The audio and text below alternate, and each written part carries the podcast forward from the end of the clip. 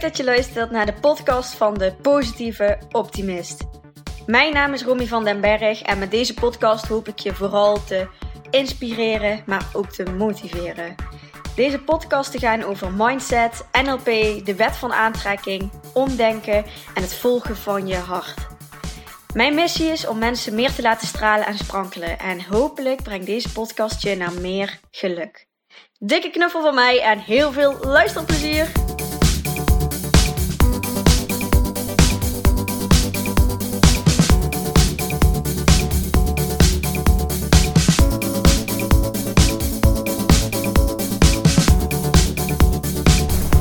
Hey, leuk dat je weer luistert. Ik uh, zit er bij de Maas en dat vind ik eigenlijk zelf best wel een uh, fijne plek om mijn podcast op te nemen. Omdat ik hier altijd ineens zo'n uh, inspiratiemomentje krijg.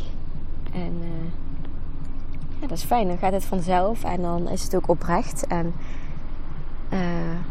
voel ik hem zelf en hoop ik ook dat ja, wat ik wil delen, dat dat beter overkomt bij jullie. Is net een bootje voorbij gekomen, dus misschien horen jullie nog wat uh, geroezemoes op de achtergrond.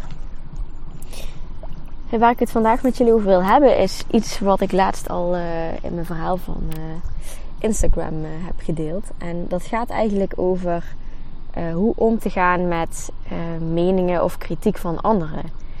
En ik merk dat dat veel aan mij gevraagd wordt de laatste tijd. Wat op zich ook wel logisch is omdat ik een startende ondernemer ben en ja, gewoon veel zichtbaar ben uh, online, in de online wereld. En van de andere kant denk ik ook dat het, um, ja, als je het dan over de wet van aantrekking hebt, dat ik het zelf ook wel um, aantrek. En dat komt omdat ik um, mijn aandacht er ook wel op heb uh, gericht de laatste tijd. En ja, eigenlijk in de positieve zin dat ik gewoon heel erg verbaasd ben eigenlijk hoe weinig die meningen of die kritiek mij doen. En als ik mezelf dan vergelijk met een paar jaar geleden, dan ja, had, ik, had, ik had ik die kritiek of die meningen echt niet aangekunnen. En nu is het echt uh, ene oor erin, andere oor eruit. Tenzij iemand uh, op hetzelfde level als mij zit of ook uh, zijn kop boven de maisveld uitsteekt. Dan Um, dan kan het nuttig zijn en dan luister ik en dan zie ik het als uh, feedback ook. Maar um, ja, ik vind het gewoon heel fijn voor mezelf om op te merken van oh, er is echt veel veranderd in de afgelopen jaren. En ik denk. Um,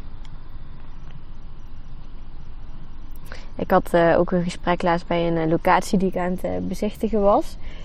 En ik denk dat het ook vooral te maken heeft met dat ik gewoon een stuk zelfverzekerder ben. En dat ik heel erg goed weet um, wat ik te bieden heb, wie ik ben en wat ik doe. En daardoor laat ik me niet zomaar aan de kant zetten door iemand. En ja, als je gewoon heel goed weet wie je bent en hoe waardevol je bent, dan kan niemand jou ook een waardeloos gevoel geven. Dus dat is denk ik ja, de reis die ik. Uh, heb mogen maken. En waar je natuurlijk nog wel eens uh, mee struggelt. Ik bedoel, je zit niet altijd even lekker in je vel. Maar ja, over het algemeen ben ik zoveel zelfverzekerder als uh, uh, dan vroeger. En er komt nog een bootje voorbij. Dat is wel een hele mooie. Die zou ik wel willen.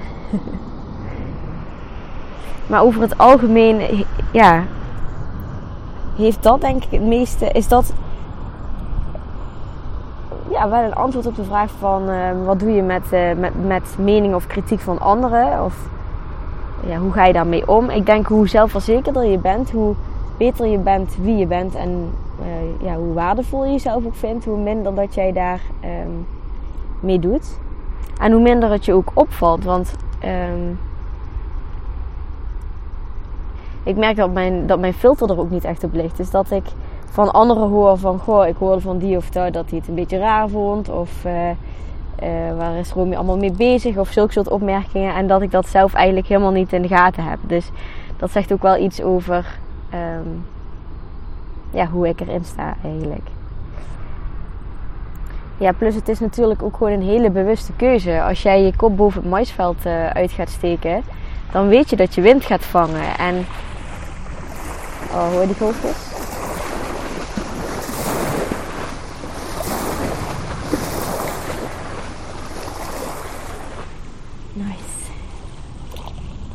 Maar je weet dat er uh, meningen gaan komen. En doe, doe maar normaal, uh, dan doe je al gek genoeg. Zo'n lekkere Brabantse uh, uitspraak. Ja, zo zijn wij gewoon opgegroeid. En alles wat al een beetje afwijkt van het normale leven, ja, wat je dan ook onder normaal mag uh, staan, dat is raar en dat vinden we gek. En uh, dan weten we niet zo goed waar we daar mee moeten. En um, ja, dan gaan we daar maar iets over zeggen of zo. Dat is toch een beetje hoe het werkt dan.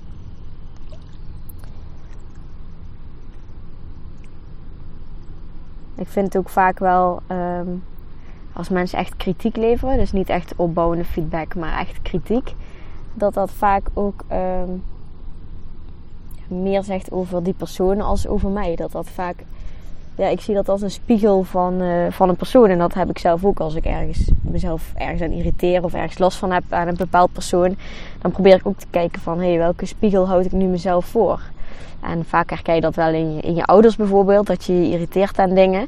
Uh, en vaak zijn dat dingen die je stiekem zelf ook, uh, eigenschappen die jij zelf ook hebt. En dat je daardoor ja, nog extra irritant vindt om daarmee geconfronteerd te worden.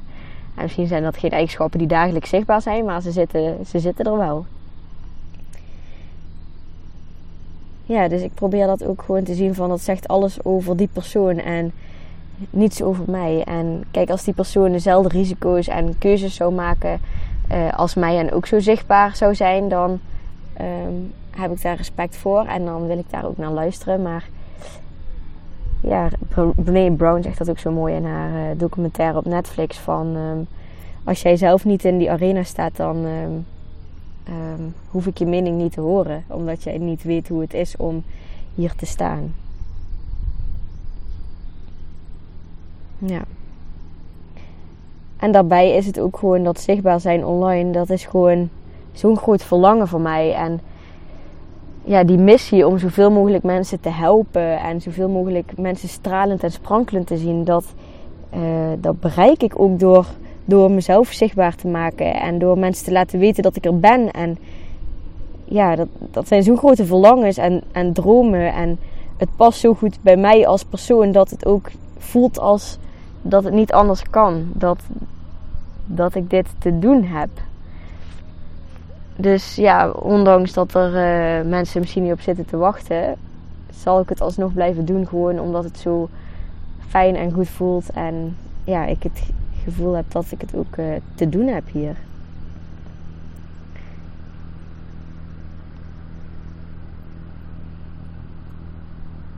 Ja. Dus kortom, is, ja, het is gewoon mooi om te zien dat dat uh, me zoveel minder raakt, die meningen van anderen, als vroeger. En um, vanuit nature, vanuit de basis, heb je altijd een verlangen om erbij te horen en om er te mogen zijn.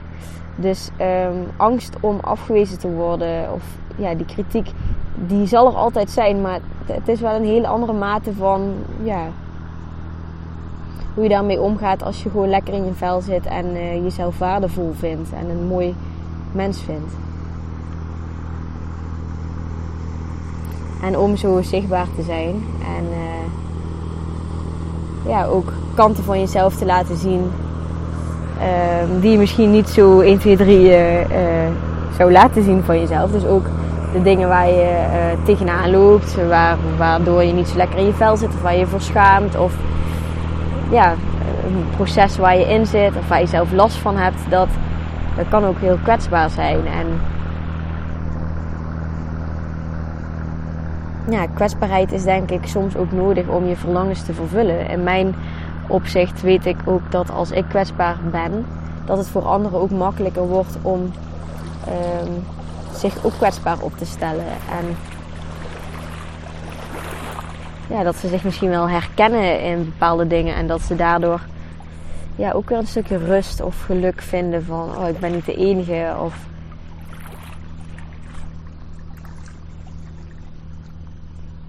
ja, het is gewoon een heel groot uh, verlangen van mij om zulke soort dingen te delen. En als je kwetsbaar bent, dan ehm, loop je het risico om uh, gekwetst te worden. Of uh, ja, heb je kans op kritiek of meningen. En dat, daar hoor je dan mee te dealen. dat is een bewuste keuze. Dus ja, ik vind kwetsbaarheid iets heel moois. En iets wat, wat meer er mag zijn. Wat meer mensen zouden mogen doen. En ik denk dat het ook zeker die keren dat het dan um, ja, risicovol wordt. Of dat je gewoon, ja, dat je gewond raakt of geschaafd raakt door dat je je kwetsbaar opstelt. Ik denk dat het dat ook meer dan waard is voor alle mooie momenten die je daarmee kan, uh, kan krijgen. Want als jij een heel kwetsbaar gesprek met iemand voert, dan krijg je ook zoveel meer over het algemeen, zoveel meer terug van een andere persoon. En als er dan wel een muurtje wordt opgetrokken en ja, die opening tot een hart-op-hart gesprek komt niet, dan ja, ligt dat denk ik ook weer meer aan die andere persoon als aan jou. Dus als je die kritiek krijgt als jij je kwetsbaar opstelt, dan denk ik ook dat dat weer die spiegel is naar die andere persoon. Ik vind ook, um, er is nu een, een, nieuw programma op NPO, dat heet uh, Psycho Show. En uh, Filemon. Dat vind ik echt een hele, hele coole gast. Die heeft echt hele gave programma's. Um, gaat daar ook um, zijn angsten of dingen waar hij voor schaamt, gaat hij, ja, deelt hij met anderen en gaat hij dan proberen te overwinnen. En um, zo vond hij bijvoorbeeld heel vervelend om Engels te praten in het openbaar, omdat hij dan echt ja, bang was om uitgelachen te worden. En daarmee dus afgewezen te worden en er niet bij te horen. En was hij ook bijvoorbeeld heel bang voor honden. En ja, ik vind het heel knap dat hij zichzelf zo kwetsbaar op durft te stellen. En dat hij zo op tv komt. Vooral als man zijn. Want als man zijnde heb je toch een soort van uh, ja, oerkracht van... Uh, ik mag niet zwak zijn en ik moet sterk zijn. En ja, kwetsbaarheid voelt voor mannen dan toch wel echt als iets wat zwak is. En ik vind dat hem juist zo krachtig maken dat hij dat durft. Dat vind ik moed en sterk. en je, ja, je ziet die ongemakkelijkheid en die angst en alles zie je gewoon in zijn gezicht en in zijn ogen. En ik vind, ja, ik heb echt diepe respect voor hoe die man dat doet. Gewoon op televisie, wat iedereen kan zien. En ja, wat daar voor meningen of kritiek weer allemaal opkomen. Maar je moet het maar even doen. En ik vind het echt een verrijking van, van je leven als je zulke programma's kijkt. En hij zal door dat programma ook zoveel mensen helpen. En ik denk dat dat voor, voor hem ook een drive is om ja, een verlangen is. En dat hij zich daardoor wel kwetsbaar op durft te stellen. Omdat het dat echt waard is dan.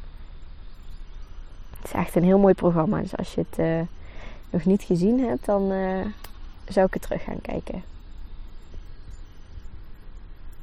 Ja, dat is eigenlijk. Uh, ik, ja, ik zat hier bij de Maas en ik was er nog eens een keer over na aan denken. Als het toch wel een beetje zo'n thema is van de afgelopen maanden. En dat veel mensen er vragen naar hebben van hoe doe je dat nou precies. En uh, ja, zo dus eigenlijk in het kort. ik heb het gevoel dat het alsnog een beetje een vaag antwoord was. Maar ik heb in ieder geval wel alles gedeeld wat ik erover wilde delen. Dus ik zit lekker met mijn rug naar het zonnetje toe. Mijn nek is lekker aan het gloeien. Dat vind ik heerlijk. En er zijn al drie boten voorbij gekomen. Dat heb je denk ik al gehoord. Dus ik ga nog heel even genieten hier. En uh, dan zie ik jullie volgende week weer. Yes, super bedankt voor het luisteren naar deze podcast. Mocht je nu iets voor me terug willen doen, dan maak even een screenshot van de podcast die je geluisterd hebt en deel deze op je social media. Of laat een leuke review achter. Maar laat vooral ook eventjes van je horen wat deze aflevering met je heeft gedaan en welke inzichten je hebt gekregen. Daar ben ik je super dankbaar voor. Laat het ook eventjes weten als je leuke onderwerpen hebt voor een nieuwe podcast. En dan zie ik je de volgende keer. Dankjewel!